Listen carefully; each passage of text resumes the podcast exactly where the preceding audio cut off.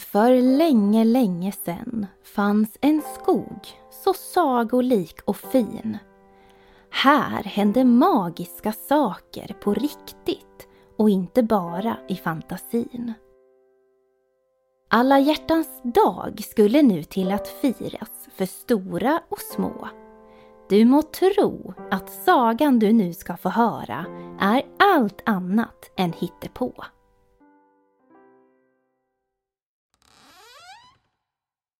Pappa Troll smög sig in genom dörren till grottan tidigt den här morgonen. Han hade varit och handlat ingredienser till en tårta i affären. Han ställde sig sen i köket och började att baka.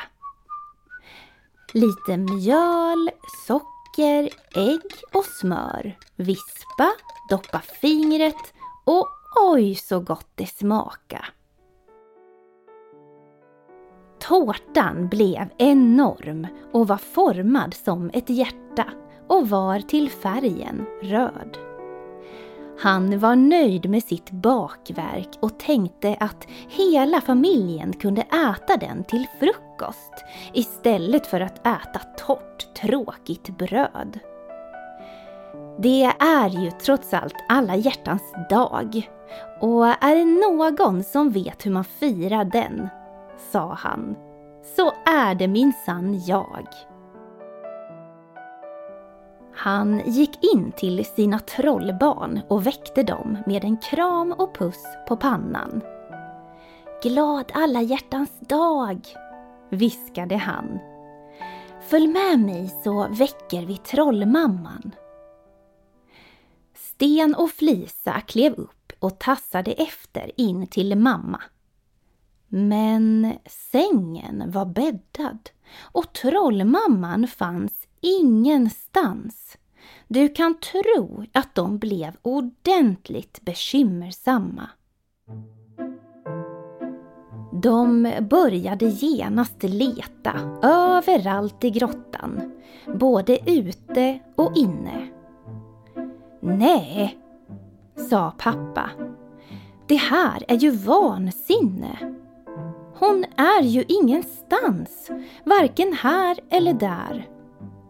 Sten tittade på pappa och sa Kanske har hon gått till någon affär? Ja du, vi måste allt leta reda på henne. Följ med mig ut. Vi går först ner till sjön och hör med blåvalen Knut. Trollbarnen och pappan sprang ner till stranden och Flisa ropade på valen som kom med detsamma. Men nej, han hade inte sett till deras mamma.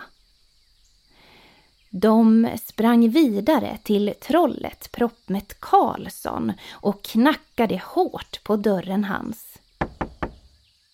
Proppmätt Karlsson verkade inte vara hemma och mamma Troll verkade inte finnas någonstans. Vi går till affären och ser efter, sa Sten. De sprang den långa vägen genom skog och djungel och efter ett tag var de framme vid huvudentrén. Pappa Troll frågade den lilla gubben som ägde butiken om han möjligtvis sett till mamma Troll. Och den här lilla gubben hade som tur var på alla i sagoskogen koll. Ja, sa han. Hon var här för en stund sedan iklädd papiljotter och nattsärk. Hon hade väldigt bråttom, köpte en massa ingredienser till ett bakverk. Sen sprang hon ut genom dörren och for hemåt, tror jag. Och mycket riktigt. Mamma Troll var nu hemma igen och skulle även hon överraska familjen på alla hjärtans dag.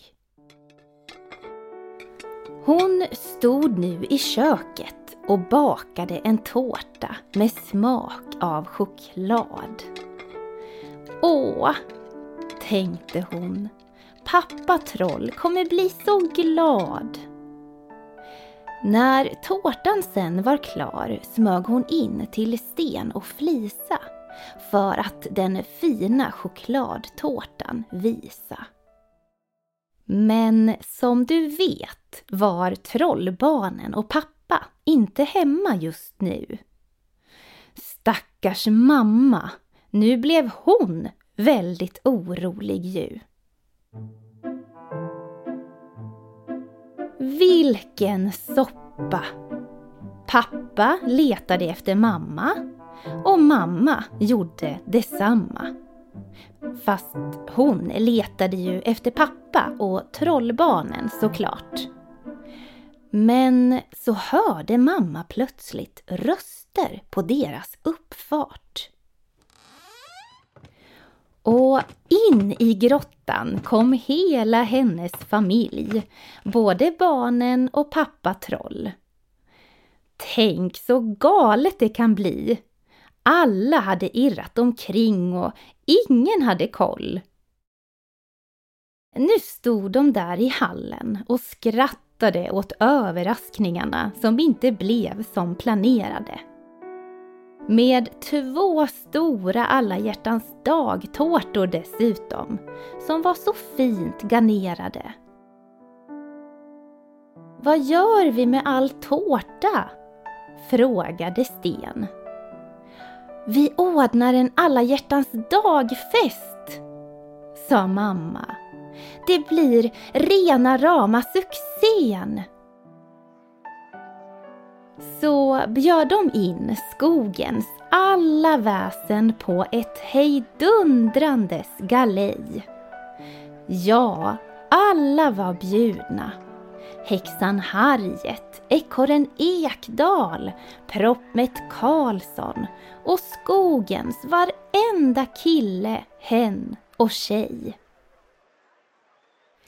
Och sen den dagen firas alltid alla hjärtans dag hemma hos familjen Stentroll med dunder och brak. Där är alltid alla välkomna att samlas under ett och samma tak.